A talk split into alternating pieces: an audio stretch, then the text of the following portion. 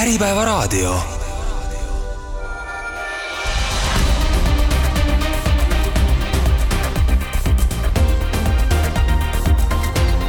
kasvupinnas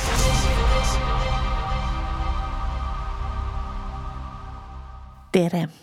saates Kasvupinnas teeme tagasivaate kahekümne kolmandal novembril toimunud konverentsile Põllumajanduse äriplaan kaks tuhat kakskümmend neli ja toome teieni sealt kaks ettekannet. esimeses saate osas saab sõna Regionaal- ja Põllumajandusministeeriumi põllumajandus- ja maaelupoliitika asekantsler Madis Pärtel kes selgitab seda, millised on väljakutsed laiemalt kogu põllumajandussektorile. saate teine osa toob teieni aga mõnusalt emotsionaalse ettekande mesindusettevõtluse võimalikkusest Eestis. Sellest, kuidas alustada mesindusega nullist, räägib Nordmel osaühing juhatuse liige Peeter Matson. head kuulamist esimesena vaataks seda, et kuhu siis äh, meie põllumajandus selle viimase, ütleme kahekümnendiga, kohe kolmekümnendiga mm, liikunud on. Äh, et meil on äh, päris suur kontsentreerumine toimunud nende aastakümnete jooksul ja tegelikult siin me ei erine kindlasti sellest, mis toimub maailmas, mis toimub Euroopas. farme jääb vähemaks, tootjaid Äh, tootjate nii-öelda käsutuses olev maapind ja, ja ka loomade arv pigem tõuseb ja, ja kui Euroopas räägitakse üldiselt sellest, et äh, kaheksakümmend, kakskümmend suhe, et kakskümmend protsenti tootjad siis äh, toodavad kaheksakümmend protsenti toidust, siis meil on ta umbes sama, võib-olla isegi natukene äärmuslikum, kui nii võib öelda siin on sektoriti ka toodud mõned numbrid, kes, kes kaugemalt ei näe, siis umbes ühe protsendi kasutuses on kakskümmend seitse protsenti põllumajandusmaad. üks koma seitse veisekarja omanikest omab äh, kolmkümmend neli protsenti veiseid. Ja teravilja puhul samamoodi, et äh, üks koma kaheksa protsenti omab äh, kakskümmend 20 neli protsenti maast ja piimakarjadel ka umbes viiendik äh, lehmadest on ühe protsendi tootjate käes, nii et me oleme nende mõnekümne aastaga jõudnud üsna sellise noh, efektiivse tõhusa süsteemini, kus meil on väga suured farmid, kes toodavad enamiku Eestis toodetavast toidust ja tagavad meie toidujulgeoleku ja siin ei ole kõiki sektorid välja toodud, sealihasektoris on neli tootjat, kes toodavad põhimõtteliselt viiskümmend protsenti Eesti sealihast ja, ja broileri kasvatuses on see üldse ühe ettevõtte käes, kes üheksakümmend üheksa protsenti broileritest toodab, nii et, nii et meil on nagu see nii-öelda Äh, farmi suurused äh, päris, päris suured, Euroopa keskmisega võrreldes üldse, et meil on äh, teravilja, ütleme, et kui üldse võtta üks talu, siis, siis Eesti keskmine talu suurus on kaheksakümmend kuus hektarit, Euroopas on seitseteist, nii et me oleme, me oleme päris erinev mudel sihukesest Euroopa keskmisest, võiks öelda nii, siis vaatame natukene tagasi ka, et äh, nii palju, kui neid numbreid siin näha on, siis ütleme laias laastus me oleme kaks tuhat kakskümmend kolm ühel pool ja üheksakümmend viis teisel pool, nii et kuskil sihuke nagu kahekümne, kolmekümne aasta perspektiiv.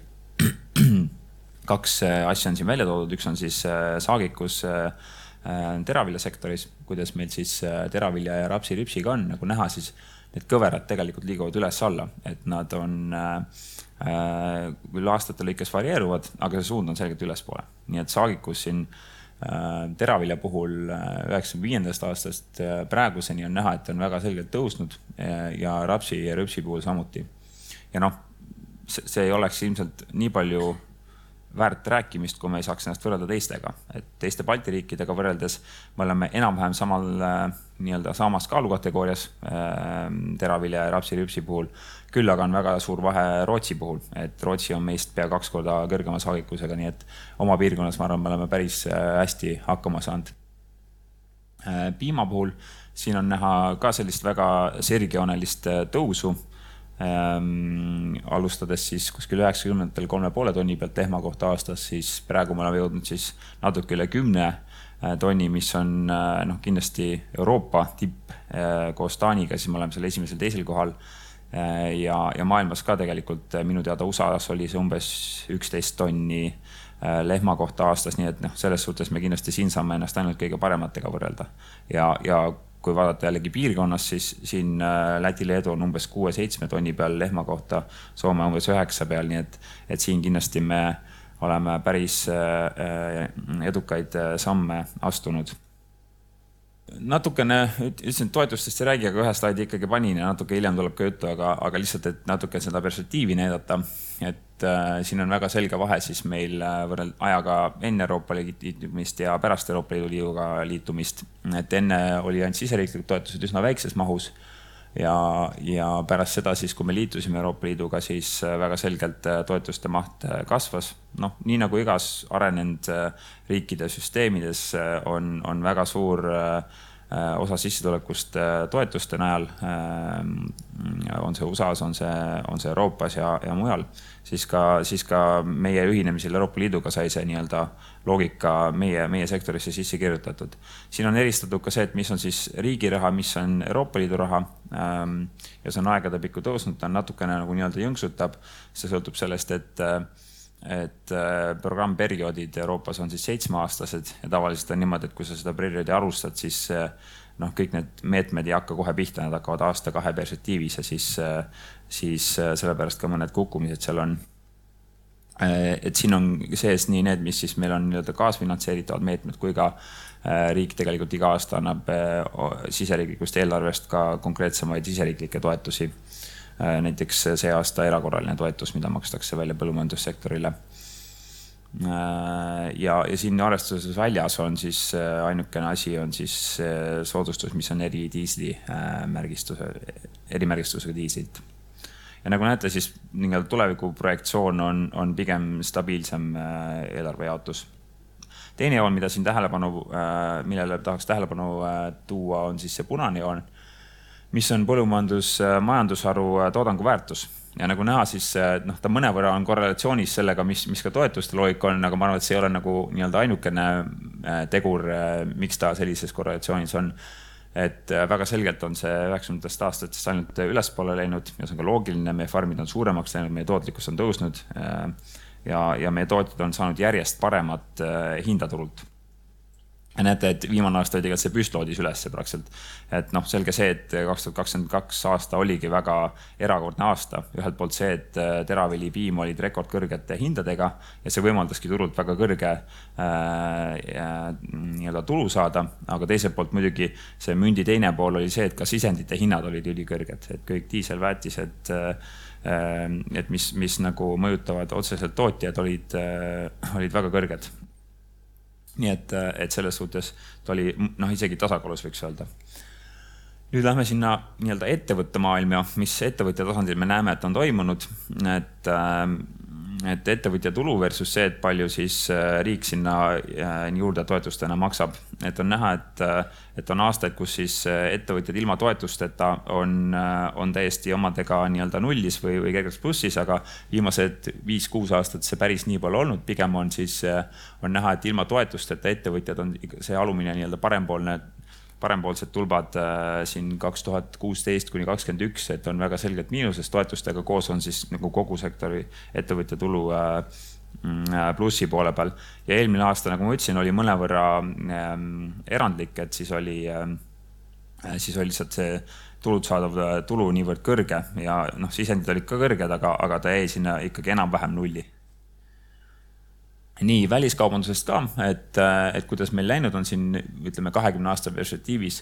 Ähm, noh, selgelt need graafikud lähevad ülespoole, eriti seesama kakskümmend kaks aasta, kus siis see väärtus, mis me välja müüsime, oli tunduvalt kõrgem kui need, mis eelnevatel aastatel olnud. seepärast, et hinnad olidki niivõrd kõrged. Äh, aga alguspunktist on näha, et, et me oleme pea neli-viis korda kõrgemale jõudnud, nii selles osas, et mis me impordime, kui ka selles osas, mis me ekspordime. aga mis kõige olulisem võib-olla selle slaidi juures on näidata, et meil on küll väliskaubandusmaht või bilanss on negatiivne, aga tegelikult see maht on jäänud aastatega samaks. et kui vaatad, kus me alustasime, okei okay,, kaks tuhat neli, Äh, miinus kakssada viiskümmend seitse, siis täna me oleme ikkagi umbes viiekordse äh, tõusu teinud selles, mida me ekspordime, aga see bilansi nii-öelda maht on jäänud samaks, et on umbes kakssada viiskümmend, kolmsada miinus, miljonit miinuses. et, et selles suhtes ma arvan, et selle hoidmine on olnud päris äh, suur saavutus nüüd on natukene selle kohta, et kuidas meil sektorite lõikes näeb siis täna, et siin on niisugused vahvad joonekesed joonistatud. see näitab siis seda, et millised on tooda, toet, toetused ja toodangu väärtus hektari kohta erinevates tootmistüüpides. ja kõik kokku on esimene mm, osa siin äh, viimase nelja aasta äh, lõikes ja siis on sektorite lõikes. Et siin näha, et see on päris palju erineb, et äh, kui järjest võtta, siis äh, aianduses on näha, et äh, me oleme, see on siis see teine siin, et me oleme toetustega ka tegelikult keskmiselt sektoris üle selle, et mis siis nagu kulu-tule suhe on nii-öelda positiivne, toetused annavad sellele siis võimendust juurde. Selgelt loomakasvatuses on siis liha, veis, kits-lammas on, on see suhe hoopis teistsugune. Vot see punane täpp jäi nüüd kinni sinna, aga ärge laske ennast sellest häirida. et, äh, et siin nagu ilma toetusteta äh, kogu, kogu see sektor ilmselt äh, väga hästi ei toimiks, et see on vägagi palju toetuskeskne majandamine. piimatootmine on seal piiri peal, nagu te näete samamoodi püsikultuurid, siin on siis aianduses puuvilimarjad. sea ja linnu kasvatus on sektor, mis äh, väga vähe saab äh, selliseid nii-öelda hektaripõhiseid toetusi riigilt ja üldse nii-öelda toetuste osakaal selles tootmises on väga madal. et, et see on ka siis sellisel nii-öelda piiri peal, kus see tulu-kulu suhe on enam-vähem, enam-vähem nullis ja, ja segatootmis taimekasvatuses ka on näha, et, et viimane on siis teraviljakasvatus, kus siis see nii-öelda ilma toetustega äh, sektori toimimine on enam-vähem balansis, aga toetused annavad siis sellele võimenduse juurde. mis veel on oluline? Äh, mis maa hind teeb? Äh, ja, ja kui siin neid graafikuid näha, siis äh, see on ikkagi aastate lõikes ülespoole läinud, et kui kümne aasta perspektiivi vaadata, siis põllumaa müügihind on tunduvalt tõusnud. keskeltläbi on ta siis praegu üle viie tuhande ja, ja tegelikult sellega täpselt ühte sammu käib ka kogu rendi, rendimaagia, rendihind, et äh, siis äh, noh, ja miks see oluline on see, et, et meil täna näeme, et umbes seitsekümmend protsenti maast on rendis, nii et noh, need kaks arvu ilmselt äh, mõjutavad kõikide toidutootjate, kes maad omavad, elu väga suurel määral. Siis mida veel investeerimisaktiivsus, et siin on näha, et kuidas siis äh, mis on kohustuste osatähtsus koguvaras, mis see protsent on. Äh, siin eristuvad, noh, keskeltläbi on see kolmkümmend protsenti põllumajandussektoris, eristuvad väga selgelt äh, sea-linnukasvatus ja piimatootmine, kus see määr on neljakümne, viiekümne vahel. ja, ja siis äh, loomakasvatus, kus olid siis veised, kitsed, lambad, kus see määr on tunduvalt madalam, umbes kahekümne protsendi ringis.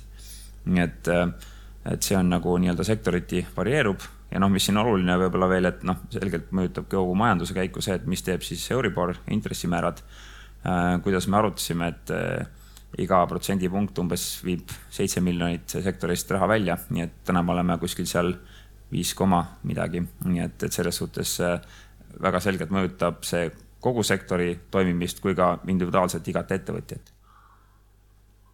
nii, ja siis lähme selle juurde, et mis, millega me siis seda põllumajanduspoliitikat siis või, või põllumajandust riigi poolt mõjutame, et meie põhiline tööriist on põllumajanduspoliitika see sai selleks perioodiks kokku lepitud, esimene rakendusaasta oli praegu ja, ja kuhu see nii-öelda eelarve mõttes see jaotumine toimub, siis on äh, kõige suurem osa läheb hektaripõhistele siis äh, otsetoetustele ähm,. väga suur rõhk on keskkonnahoiul, ehk siis äh, põllumajanduspoliitika äh, täidab olulist rolli keskkonna ja kliima äh, eesmärkide täitmisel. ja, ja sellele ka eelarvevahendeid üksjagu läheb ja investeeringud on siin kõige all, et äh, mitte kõige all, aga ütleme, et see alumine osa sealt ja, ja seal meil on ka tegelikult äh, äh, sel programmperioodil siis ette nähtud äh, mitte lihtsalt investeeringud nii-öelda betooni ja rauda, vaid, vaid need peavad olema jätkusuutlikuks toidutootmiseks ehk siis ka keskkonna kliimaeesmärkide täitmiseks. nii et, et selge see, et põllumajanduspoliitika peab nagu seal nende eesmärkide täitmiseks oma sammud astuma. mis veel, et kui me vaatame nagu natukene väljapoole, et mis, kuidas näeb kuidas me paistame väljapoole, ehk siis mida OECD meile soovitab äh, äh, põllumajanduspoliitikas teha. Ja, ja siin äh, natuke on näha, aga mitte väga hästi, et noh, põhimõtteliselt, mis ta ütleb, et, et me peaks päris mitut asja põllumajanduspoliitikas muutma. Ja see ei olnud asi, mida ma nagu ütlen, et me nüüd hakkame seda tegema, vaid see, et nagu lihtsalt, et väline pilt, kuidas me asju teeme täna. et ühelt poolt nende sõnum on see, et toetused peaksid olema rohkem tulemuspõhised. Ja, ja noh, põhiline, mis siis, äh, mis võib-olla neile kriitikat tekitab, on see mm, otsetoetuste süsteem, kus siis makstakse hektaripõhiselt toetusi äh, OECD hinnangul võib-olla liiga väheste tulemuste eest ja, ja nemad näevad, et siin oleks vaja reformi teha. võib-olla teha see hoopis niimoodi, et kui need on sissetulekutoetused, et need võiks olla ainult osale, osale mm, põllumeestele, kes päriselt sissetulekutoetust vajavad, aga mitte neile, kes võib-olla on juba nii-öelda edukad ettevõtjad ja kes seda nii väga ei vaja Neil on päris oluline sõnum selle kohta, kuidas siis keskkonna kliimaeesmärke peaks täitma. et kui OECD maailmas on siis enamus põllumajanduspoliitika keskkonnameetmed sellised kirjeldavad, kus siis kirjeldatakse mingit tegevust ja eeldatakse, et selle tegevuse tegemisel jõutakse siis nende kliimaeesmärkide täitmiseni. Nemad näevad, et rohkem võiks olla tulemuspõhine, ehk siis sa hindad ära ettevõttes, et sul on punkt A, kus sa oled ja punkt B, kus sa tegevuse lõpetad ja siis selle põhjal sa saad oma nii-öelda äh, toetuse väga kulukas administreerida ja väga keeruline üldse ilmselt tootjale ka seda kuidagimoodi omaks võtta, aga, aga noh, ma arvan, et mingites meetmetes me peame sinnapoole liikuma. Siis äh, suurem rõhk äh, teadmussiirel, teadus-arendustegevustel, äh, andmetega on palju meil veel töötada, nii et neil on palju nagu ettepanekuid, kuidas seda põllumajanduspoliitikat peaks muutma veel paremaks Euroopas.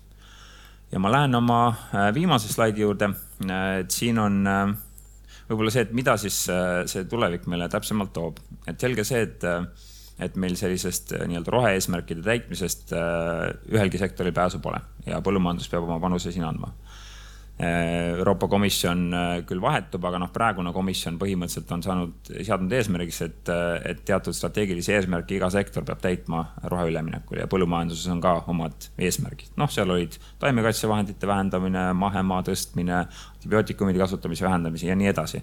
Need ühis, ükski ei ole nüüd nagu õiguslikult siduvad eesmärgid, vaid pigem nagu ambitsioonid, kuhu riigid peaks jõudma siis ja noh, mida me siseriiklikult oleme tegema hakanud, kliimaseadus, see protsess on käima praegu lükkumas, et, et seal on kuus erinevat töörühma, mis, mille abil siis peaks jõudma sinna, et kuidas, kuidas riik siis kolmekümnendaks aastaks esialgu siis oma eesmärgid kliima, kliima või CO2 heite vähendamiseks mm, täidab. Ja meil on toidu tootmise, ütleme kestlike toidusüsteemide Äh, töörühm seal, mida ma juhin ja, ja seal on ka põllumehed, ma tean, et siit mitu inimest ka kaasatud, kes täna istuvad ja kuulavad. Ähm, kus me siis proovime nuputada, et kuidas põllumajandus saaks sinna panustada. ja noh, et, et mitte kõiki nagu ära hirmutada, et siin on, ma arvan, kaks poolt, ühelt poolt kindlasti me peame selle sõnumiga välja minema, et põllumajandus äh, peab panustama ja saabki panustada aga seal peab alati vaatama, mis võimalik on. esiteks, et mis tehnoloogia on üldse olemas, mis meil aitaks neid eesmärke saavutada. et me ei saa nagu kalduda mingisse utoopiasse teiseks me peame vaatama, et siin ka majanduslik külg, et me ei saa mind teha roheüleminekut ainult nii, et meie ettevõtjad on käpuli maas. ja kolmandaks, kui me üldse mingeid eesmärke pakume, siis me peame mõtlema välja, et mis need eh, nii-öelda mõju, mõjuhinnangud ka on, et mis see, mis see sotsiaalmajanduslik mõju seal taga on. ja, ja, ja noh, kindlasti, mis selle kliimaseaduse kontekstis on oluline, et täna ikkagi äh, need inventuurid, mille põhjal hinnatakse, et kas me nüüd heidet vähendame või mitte, et, et need ei ole, tihtilugu ei võta kõiki arvesse neid tegevusi, mida me teeme nii et äh, ma arvan, et selle kliimaseaduse üks selline äh, tulem peab ka olema see, et, mida me täna teeme, mis on seal inventuuris arves, aga mida me teeme, teeme, mis tegelikult me ei suuda ise arvutada ja mis ei ole ka inventuuris arves. nii et, et me peame neid, äh, kõiki neid asju koos hindama. aga riik tegelikult täna ka juba mõtleb kaasa tootjatega proovime pakkuma, pakkuda ka ise tööriistasid, mis aitaks ettevõtjatel siis jätkusuutlikumaks muutuda oleme süsiniku, see on see C hindamise tööriist, süsiniku jalajälje hindamise tööriist, oleme sellise tööriista välja töötanud, see peaks lähikuudel tulema ka nii-öelda teatena välja, kus siis kolmsada ettevõtet lähiaastatel peaks saama äh, hinnata oma jalajälge ja, ja siis äh, sellest lähtuvalt ka planeerida edasisi tegevusi. Ja projekti faasis on, faasis on praegu rohefoor, mis siis nagu hindaks niisugust jätkusuutlikkust äh, toidutootmises laiemalt. seal on ka elurikkuse teemad, seal on kliimateemad sees et äh, see võiks anda siis, äh, selle projekti tulemusel võiks tulla tööriist, mis annab ettevõtjale võimaluse siis äh, hinnata, milline on tema tegevus jätkusuutlikkuse skaalal ja võib-olla siis noh, seda presenteerida ka oma partneritele, oma pankadele. Ähm, et saada paremaid tehinguid. me oleme ka roheteekaardi koostanud, kus on siis, see on üks raport, mis hindab, et millised tegevused või ütleme nii, et Maaülikool on koostanud selle meie palvel et millised tegevused on vaja toidutootjatel astuda, et siis seda roheüleminekut äh, teostada. ja sealt me parasjagu ise valime välja neid tegevusi, kuna neid oli üle saja kaugelt, et mida me siis, kuhu fookust panna lähiaastatel.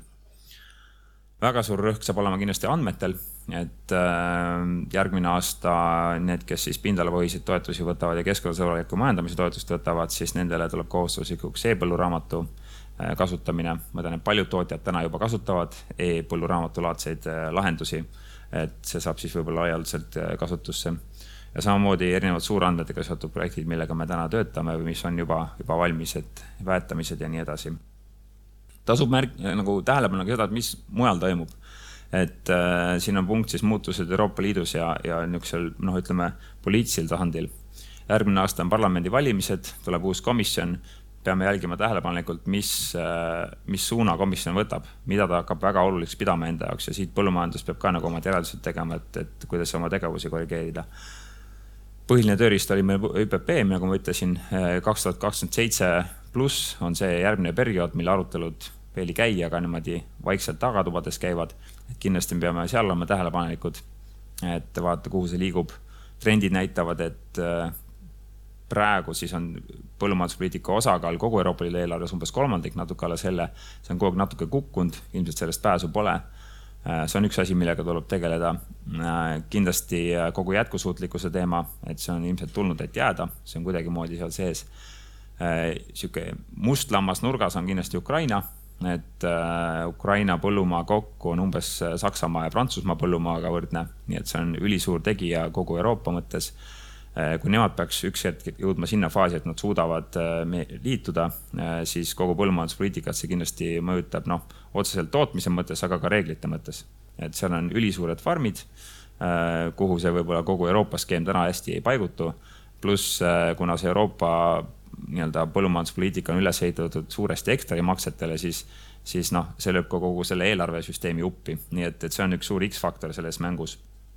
Aga täna nad on tegelikult, ma ütleks, et kõige suuremast meie jaoks äh, kasust Euroopa Liidus on kindlasti nagu ühisturg ja selle osalemine, kaupade vaba liikumine eksport, import. Ja täna, noh, täna nad on selles sees juba, et äh, pikendati kaks tuhat kakskümmend neli suveni siis äh, enamike toodete eksporti, importi.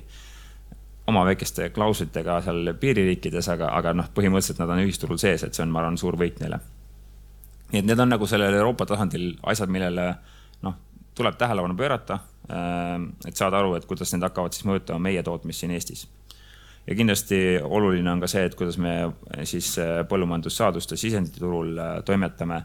sõda Ukrainas väga selgelt näitas, et, et need nii-öelda lähisündmused mõjutavad meid, aga ka kaugemad sündmused. nii et kuidas see kõik kokku võtta? ma arvan, et noh, küsimused, mille ees me täna oleme ja ma arvan, et need ei erine ajast kakskümmend aastat tagasi kuidas sektoris lisandväärtust tõsta, kuidas ettevõtteid aidata paremat hinda turul kätte saada Ähm, see on üks asi ja kuidas jätkusuutlikult toota. et kui me vaatame seda siseriiklikult, eeltasandil või globaalselt, siis need kaks asja on, mis ma arvan, äh, on meie peades, kui me mõtleme põllumajandussektorina, äh, riigi esindajana.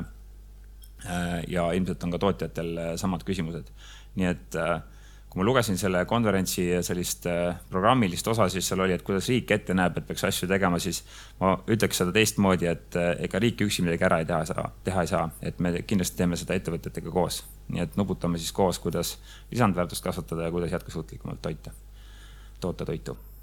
ma arvan, et selle mõttega ongi paslik äh, lõpetada. aitäh. aitäh.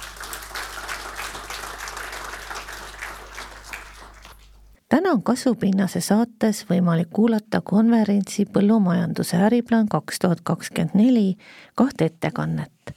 saate esimeses osas äh, sai sõna Regionaal- ja Põllumajandusministeeriumi põllumajandus- ja maaelupoliitika asekantsler Madis Pärtel. ja nüüd kuulame Nordmel osaühing juhatuse liikme Peeter Matsoni ettekannet. tere, Nordmeli mesinik Peeter olen mina siis ja ma räägin hästi lühidalt, kuidas ma sellesse sattusin nii-öelda, et äh, miks ma hakkasin mesindusega tegelema, oli see, et äh, ma töötasin puidusektoris.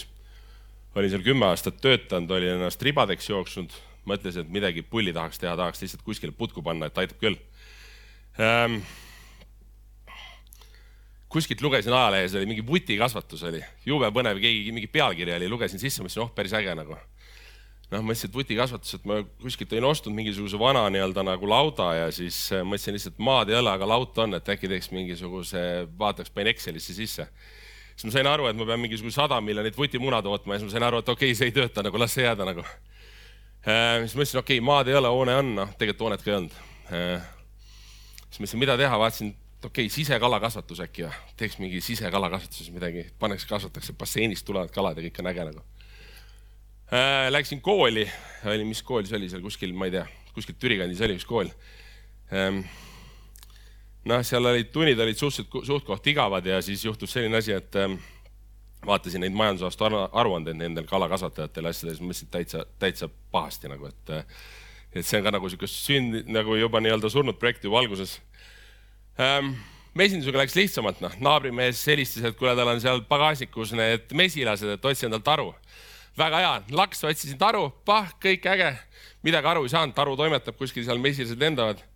Ehm, tütre pildiga oli jube äge kinkida kõigile nii-öelda siis seda mett, et panid mulle, aga üks jama oli see, et mul oli siis, ma ei tea, teisel aastal oli mingisugune tuhat purki mett ja mul polnud sõpru enam, kellele kinkida, et aga noh, see tunne oli nii hea, et sa lihtsalt kingid ära nagu. noh, ja siis ega ma kade vana ei ole nagu, siis ma mõtlesin, et okei okay,, et kutsusin sõber Timo ka, et davai, et eh, et mul siin üks supp kokku plaanis keeta, et äkki tuled ka, noh, Timo ütles muidugi tulen, noh ma käisin kuskil päris palju Hiina vahetes, vaatasin, opa, Hiinas maksab manuka mesi tuhat kolmsada kuuskümmend eurot kilo, ma mõtlesin, joh, ei tii, noh, korras, noh, kümme talu, kümme seda taru, elan järve kalda peal suvel või hooajal teen siis kaks tundi nädalas tööd ja ongi asi valmis, korras, noh.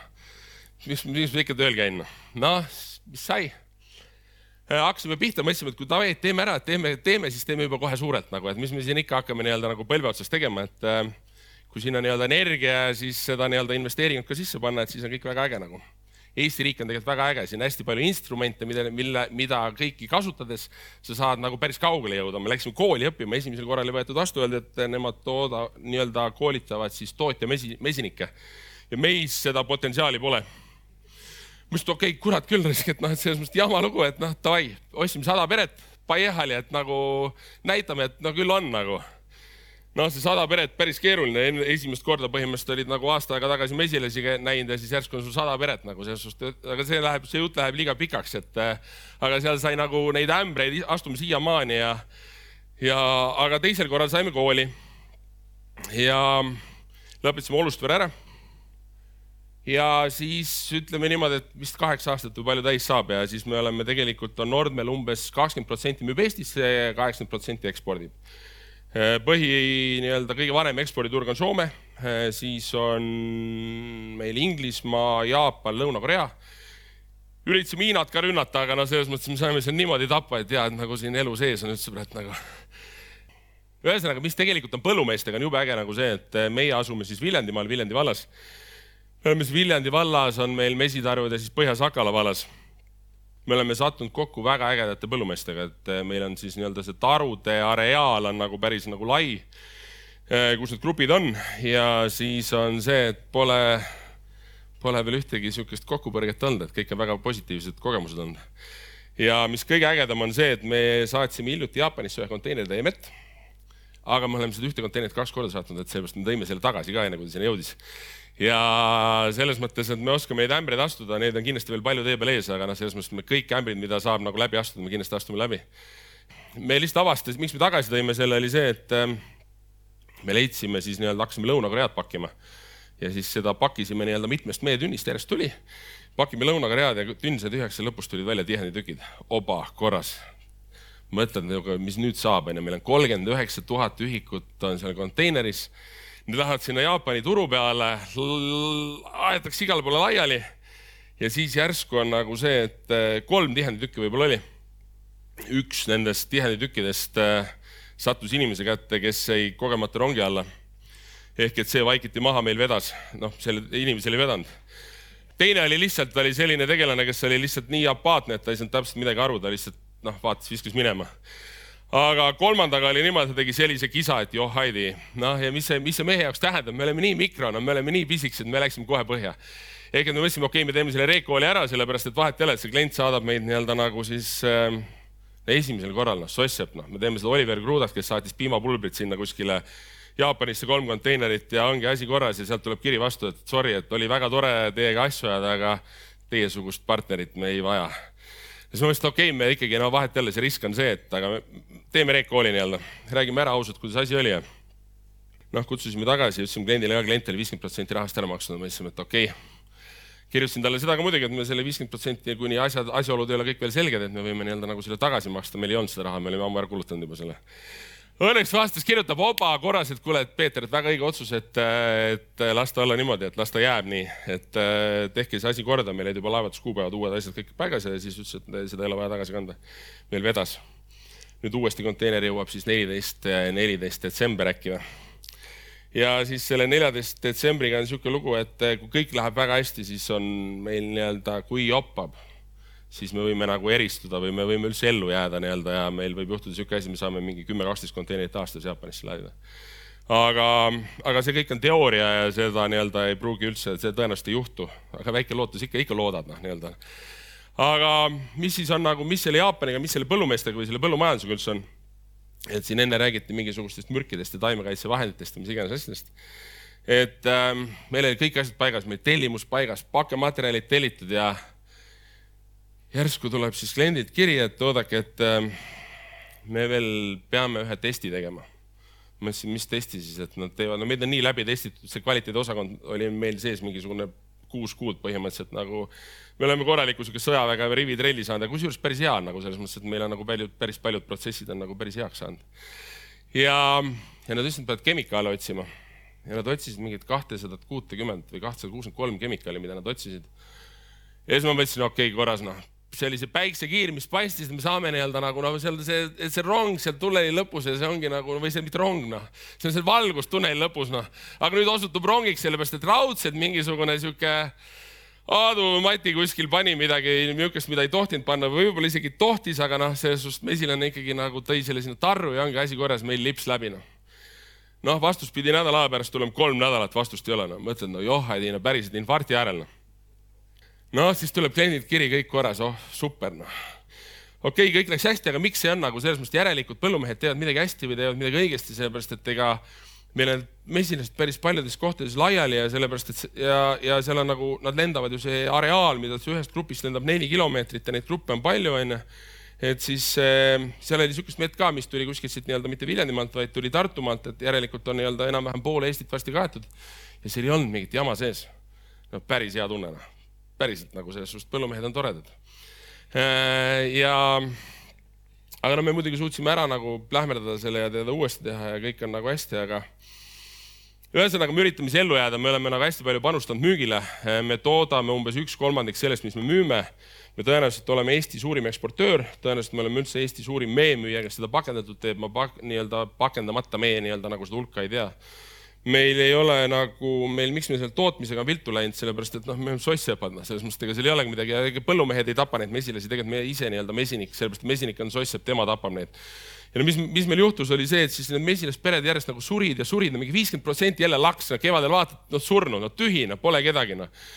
no ja siis jälle loed kuskil mingisugust ajalehes ja siis kõik sõimavad, kuradi põllumees, noh, pani jälle pritsis ära, meil on kõik surnud ja nüüd on kõik korras nagu noh, käid seal koolis ka ja sihuke murelik mõte peas ja jälle vaatad, mõtled jälle mesilased surnud, mõtled, okei okay,, metsaveotraktorid sõitsid sealt grupist mööda.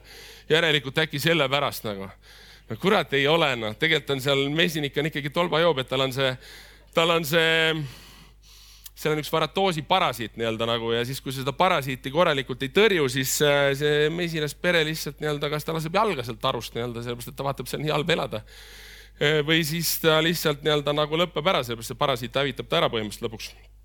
no nüüd me oleme vaikselt nii-öelda hakanud aru saama, mis me tegema peame. aga selles mõttes nüüd on distsipliini ka veel vaja. et äh, aga no vaikselt hakkab looma, ainult eelmine, eelmine talvitumine läinud kümme protsenti peredest läks välja nii-öelda, et äh, et polegi üldse hullu nii-öelda, et äh, loodame, et seekord läheb vähe veel paremini. aga mis on tegelikult üle maailma kõikidel mesinikel, mis see jama on nagu selles, et äh, mm,? me ei saanud nagu põhimõtteliselt eelmise aasta lõpuni, eelmise aasta, eelmine aasta kuskil eelmise aasta keskel hakkasime tegelema. me ei saanud aru, mis toimub, me ei suuda müüa, me käisime nii palju üle maailma igal pool messidel, me käisime mingi kaks-kolm korda aastas messil. Äh, me tegime nii palju pakkumisi alati oli see, et me oleme nagu kaks korda kallimad, kolm korda kallimad, mõtled, mis jama on nagu noh, teed pakkumised mõtled, et kurat, ei ole võimalik, et noh, ma ei ole matemaatikas professor onju, aga noh, nii palju ma saan aru nagu, et kui ma kaks korda või kolm korda nii-öelda nagu noh, valesti hinnastan seda asja nagu ja Hiinast hakkasid tulema pakkumised kuskilt, et noh, meie pakkumised, kuna me käisime messidel onju, siis vaadati, et me oleme mingisugune noh, nii-öelda nagu müüme mett onju, et ja Hiinast hakkas tulema hästi palju pakkumisi tegelikult Ukrainast ja siuksest kohtadest ka. ja siis me hakkasime lihtsalt sealt nii-öelda hakkasime mängima ostjat, hakkasime koguma siis näidiseid ja proove ja siis me hakkasime neid testima. Eestis oli, on üks tore tüdruk, Kairi Raime, kes ma isegi ei tea, mis iganes ettevõte või organisatsioon ta on, aga ta on nagu tark, noh, ta on mingi professor või doktor on kuskil ette kirjutatud. ta töötab erinevates kohtades, teeb erinevaid projekte, asju, DNA, ta tegi siis, arendab mingit DNA meetodit. Saksamaal on üks labor, kus saab NMR mingisugune magnetresonantstestiga siis seda teha, ka testida. ma ei tea, kui palju me neid teste teinud oleme, see on nagu, see on nagu jõhkralt ja meeletult ähm, ja reaalsus on see, et umbes nagu siin on nagu ametlik ütleb seda, ametlik info ütleb seda, et siis nagu iga teine on ju, aga tegelikult on tõenäoliselt üks kolmandik on maailmas päris mett ja siis kaks kolmandikku on midagi sihukest meelelaadset toodet, mida keeratakse mingist asjast kokku. Ehm, kui täna tahab mesinik müüa oma mett, siis ta saab selle eest hulgi tahaks ära müüa, ma saaks, me saaksime umbes ühe kolmandiku oma hinnast. ja te olete kõik suhteliselt peate olema adekvaatsed inimesed, muidu te ei oleks siin, onju. Te tõenäoliselt saate sellest väga hästi aru nagu, et, ähm, et noh, see lõpp on suhteliselt lähedal. jah, me oleme teinud seda nagu, ma ei tea, mingisugusest lollist entusiasmist hakkasime lihtsalt pihta, kuna Excel, noh, tegelikult ma kunagi tegin mingi Exceli ka selle kohta, aga see oli enne mingit pakendusmasina nagu tellimust ja ja siis ma vaatasin peale, need numbrid olid nii koledad ja siis ma mõtlesin, et ei saa olla, no kurat, me teeme selle raisk, no me, me, me nii ägedalt teeme noh. me teeme nagu noh, päriselt paneme sinna purtsu sisse ja paneme raha ka ja noh, riik on ka aidanud, noh, Swedbank tuli appi, näe, Kaili istub seal. noh, kõik tipp-topp onju, noh, surusime jõuga nii-öelda nagu selle kõik, et läheb käima, no küll ta läheb, noh aga me ei osanud arve, arvestada sellega, et seal nurga taga ootab meid see koll onju, et eh, mis on siis see meelelaadne toode. tarbija ei ole süüdi. Eh, tarbija ostab seda, mis siis poes on onju et äh, nüüd ongi täna tegelikult on siis kõikidel mesinikel on nii-öelda hambad, game is over. ja Euroopa Komisjon, samal ajal me tegelikult nii-öelda nagu me saatsime infot igale poole Euroopa Komisjoni, mis iganes kohtadesse üritasime teha nii-öelda mingi Copago, Geega või mis iganes asi on niisugune organisatsioon kuskil Euroopa juures, ma täpselt ei ole aru saanud, mida nad täpselt teevad, onju. aga noh, tundub, et nad seisavad kuidagi Euroopa põllumajanduse eest või midagi sellist, onju ähm,. Nemad ajavad siis seda asja ka ja siis Euroopa Komisjon ise nii-öelda tegi ka nii-öelda uurimustöö. me mõtlesime, et Etioopia puhul me oleme ägeda asja jalile saanud, et maailm on päite täis, aga tegelikult nemad teadsid ka, aga nad meile ei rääkinud, me muudkui saatsime neile infot. Nad olid juba kaks aastat neid päite seal nii-öelda nagu nendega tegelenud. ja mis siis, mis siis saab nagu, mis meil need lahendused on, ongi nagu see, et eh, kas siis see nii-öelda tegelikult see on ülemaailmne probleem onju no meie oleme siis Euroopa Liidus on ju, me peaks mõtlema seda, kuidas Euroopa Liidus asi korda saab. Ehm, uurijad on tegelikult oma töö ära teinud, ehm, uurijad ütlevad nagu seda, et nende käed on nii-öelda, nende pidu on läbi, noh, selles mõttes nemad ei saa enam nagu midagi teha, nüüd on era, eraldi edasi ja kõik poliitiline nii-öelda. poliitiliselt on ka probleem tegelikult, et on nagu Eesti on nagu siis selle muudatuste poolt, aga on paljud riigid, kes on vastu selleks, et mingid asjad vastu võetakse, selleks asjaks peab siis nii-öelda nagu toimumas hääletus ja demokraatia vahest on tore asi, aga vahest on väga hull asi et äh, me kujutame ette näiteks seda, et kuskil on Saksamaal on nagu kogu meie turg on nelisada tuhat tonni näiteks, sihuke umbes Euroopas. ja pool sellest siis imporditakse, pool tehakse nii-öelda väidetavalt koha peal. ja mis siis nii-öelda nagu seda, mis, mis siis nagu teha saab või mis, et see sektor nii-öelda nagu päriselt kokku ei kukuks, ongi nagu see, et siis see võltstoode nii-öelda peaks turu pealt ära kaduma. ja, ja nüüd, kui see näiteks Saksamaal on või suurtes riikides on suured brändid ja suured pakendajad, Saksamaal on näiteks pakendaja, kellel on nelikümmend, äh, nelikümmend tuhat tonni näiteks pakendab. kui ta peaks hakkama mett pakendama, siis tal oleks hambad, sellepärast seda mett ei ole olemas, mida ta pakendada saaks ähm,.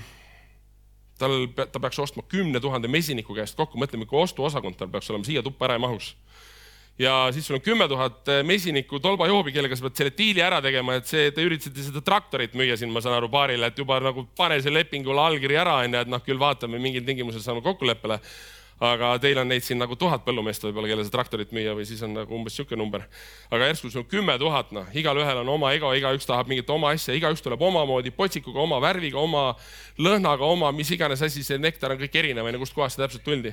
aga nüüd tehasest tellides sa saad nagu siis sellise, me oleme Hiinas käinud äh, vaatamas, luuramas ka, mis seal nagu toimub ehm, meie tehas, kes toodab viis tuhat tonni nii-öelda, seal on viissada taru, viissada mesilast taru see kuidagi noh, tegelikult tõenäoliselt iga siirupitehas suudab teha seda nagu ära, et eh, nad isegi panevad mesilase DNA sinna sisse, õietolmud ja mis iganes inimesed on targad nagu. aga see, meil on täna on see mingisugune, mul on kõrvaklapid onju, kõik kuulavad, räägivad, aga see meie direktiivi asi või mis see seaduses kirjas on, see on mingi kolmkümmend aastat vana onju, et eh, täna võtame, teeme Facetime'i Hiinaga, vau, vau, kõik on äge onju. aga see direktiiv või see seadus on ikka siis nii-öelda nagu samasugune või noh, see meie turu nii-öelda jälgitavus ja mida me siis üritame siin teha, et äh, entusiasmi baasilt üritame veel siis nagu vähe edasi pingutada, et me just nagu Nordmeris ka natuke aega tagasi otsustasime seda, et äh, meil oli tegelikult täitsa kaalumisel see, et me paneme uksed kinni. et me lõpetame selle pulli ära, sellepärast et me oleme kaheksa aastat tegutsenud, mitte ühtegi eurot pole teeninud. Äh, kuidas see niimoodi sai juhtuda, on see, et meil kahjuks minevikust või siis mingid kõrvaltegevused olid need, mis andsid meile võimaluse siis nii-öelda mitte raha teenida. mõnes mõttes väga tore aga teises mõttes on see väga pahasti, sellepärast et see hägustab sul selle pildi ära, et sa teed entusiasmiga, oi, ma panen, no ma tulen kohe. no muidugi see mesilased muudkui surid ka, vaata, siis oli ka see vabandus, sellepärast läheb halvasti, et mesilased surevad talvel ära, et põllumees mürgitas ära, noh. no tegelikult ei mürgitanud, ma ise ei saanud hakkama, no sossep, noh noh, ja siis äh,, aga noh, sul oli kogu aeg see target, et ma teen selle asja korda ja küll hakkab minema ja noh, ega meil on nii palju protsesse või asju, kuidas me peame nagu arenema kuskile ja noh, nüüd on nagu enam-vähem hakkab kontseptsioon valmis saama, et me nagu suudame isegi nii-öelda nagu minna siis kuidagi nagu noh, tegude peale onju, aga me põrkume selle hinnaga, mis see hind tuleb nagu sajaga vastu, et me ei saa nii-öelda nagu sinna turu peale ükski mesinik päriselt ei saa ja Eestis on tegelikult väga hästi. Eestis on see pull asi, et Eestis on nagu, kuna riik on teinud nii head tööd, koolitanud mesinikke, andnud igasuguseid stiimulpakette nii-öelda, et hakka mesinikuks ja nii edasi, see kõik on hästi mõnusaks tehtud. ja nüüd on üks väike asi veel puudu kuidas me suudame järelevalvet teha. kui ma tean, et see naabri Mati seal selle kaamera taga on roolijoodik ja mina olen politseinik selles külas onju. ja siis ma tegelikult ma võtan selle Mati kogu aeg, peatan kinni, vaatan, et kas ta on jälle täis või ei ole onju ja siis vastavalt sellele, kui ta ikkagi järjepidevalt joob, siis ta lõpus nagu lõpetab, ma ei tea, kas türmis või mis iganes, mingid igal asjal on reeglid onju. ja no meie turu järelevalve on täpselt sama, et äh, meil tegelikult täna see järelevalve on, aga see järelevalve nagu päriselt ei toimi alguses ma mõtlesin nagu seda, et oh, kutsuti siia rääkima ja siis ma mõtlesin, et väga hea, et äh, et ma tegelikult, mulle ei meeldi rääkida, ma ei tule sihukestesse kohtadesse, see pole minu rida, ma olen see mesinik sealt maalt, onju. noh, aga siis, siis ma kuulsin, et see tuleb minister tuleb ja siis tuleb äh, Madis Pärtile, kaks Madist tulevad, ma mõtlesin, oh väga hea.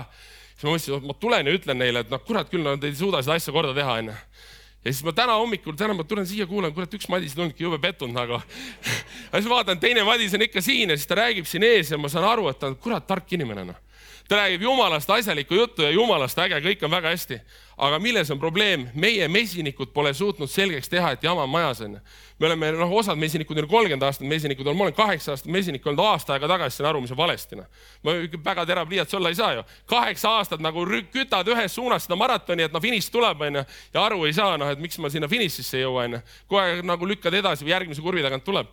aga tegelikult, milles siis see asi oli see, et nagu see finišit polegi noh noh, ja nüüd, nüüd me mõtleme, me järsku saime, pabah, saime aru, et äge noh see on jumalast vinge, et me teame, et see pätid on turul, see hind on vale, vaatad poes hindasid, ei ole võimalik, no kuidas see võimalik on, onju.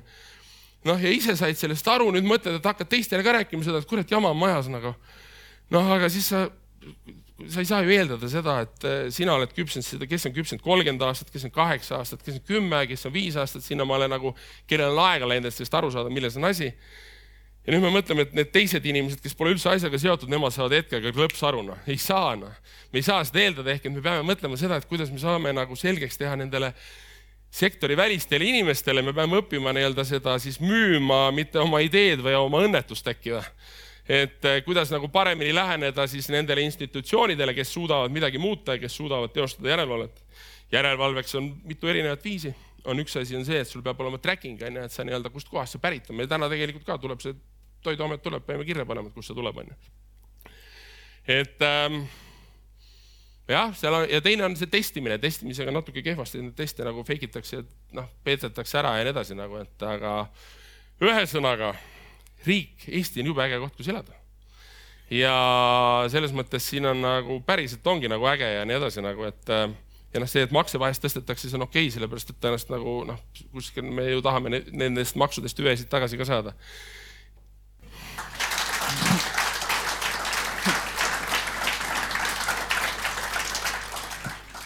suur tänu põllumajanduse äriplaanil esinemast Madis Pärtel ja Peeter Matson.